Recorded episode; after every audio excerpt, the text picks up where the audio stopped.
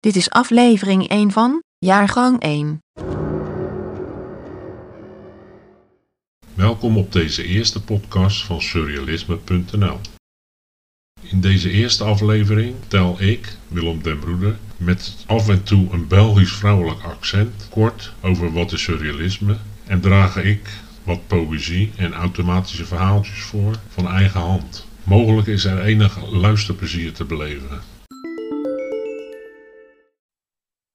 Bij het surrealisme is de visuele en textuele verbeeldingskracht, losgemaakt van het verstand en de logica, waardoor het onderbewustzijn in staat is, onthullende, suggestieve voorstellingen te scheppen. Het toeval bepaalt dat absurde, zinsbegoochelende fantasieën in zowel twee- als driedimensionale afbeeldingen, of surrealistische teksten ontstaan. Het is de zuiver automatische gedachte, waarmee men zich voorneemt de wezenlijke werking van het denken tot uitdrukking te brengen. Op de website van een broeder, kunt u de vele disciplines vinden, die het surrealisme rijk is. Dromen werden door Freud gebruikt om zijn patiënten te helpen, maar bij de surrealisten werden ze verteld, opdat iedereen ervan zou kunnen genieten. Surrealisten zijn overtuigd van de mogelijkheid van vrije associatie van ideeën, terwijl Freud juist betoogde dat deze associaties helemaal niet vrij waren, omdat zij beïnvloed zouden zijn door het onderbewuste. Ik moet toegeven dat de invloed van het onderbewuste zeer groot is. Het raam.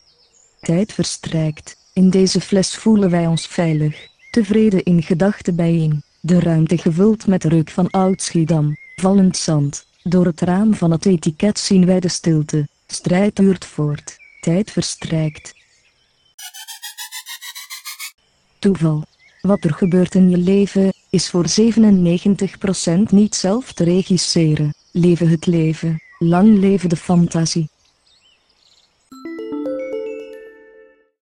Datum. Het is vandaag 20 februari 2020. Het zijn maar getallen, hoor ik je denken. Inderdaad. Maar er is wel veel veranderd sinds 10 januari 2010. Maar dit terzijde.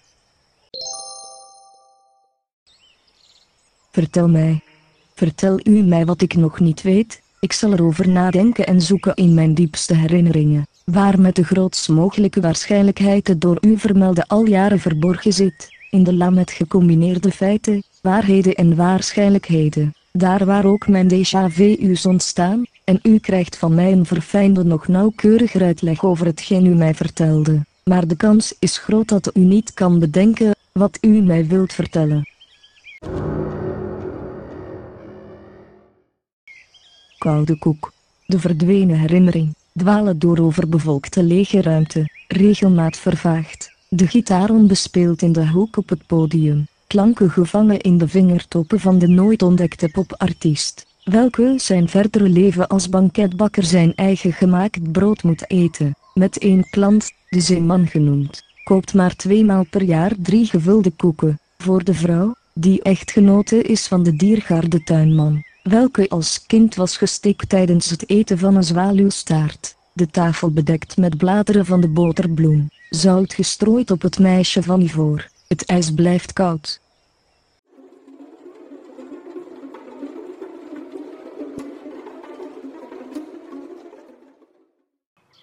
Luna. Mijn min, min Lena, min mijn la nu, min mijn Lona, min maan Luna.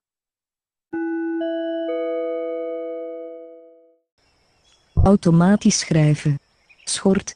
Vanuit de voortuin liep je eigenlijk zo de okerkleurige woestijn in. Tussen de opgewaaide zandduinen liep een klein meisje. Ze droeg een rugtasje in de vorm van het huis waar zij lang geleden was geboren. Sinds haar bewuste herinneringen kwamen er jaarlijks twee gevaren op haar pad. Het eerste gevaar een donkere bijna zwart gekleurde kolibrie van 4 kilo, die voortdurend het meisje aanviel onder toeziend oog van het tweede gevaar, een oude man uit Noorwegen die de kolibrie aanspoorde tot geweld. Een en ander gebeurde meestal rond de langste dag van het jaar, of de dag waar er veel meteorieten vielen, en trouwens nog steeds vallen. Vanuit het gebouw op in haar rugtasje zag zij drie zeeën, welke haar gedachten prikkelden, en zij een herinnering terug in de voortuin was waar zij de onlangs gestorven dolfijn aanschouwde, die plots transformeerde in een bakkersvrouw met een persik pastelkleurig schort. Ook onder het gras, zeg maar aan de wortelkant waar dit alles plaatsvond, was geen spoor van enige emotie waar te nemen.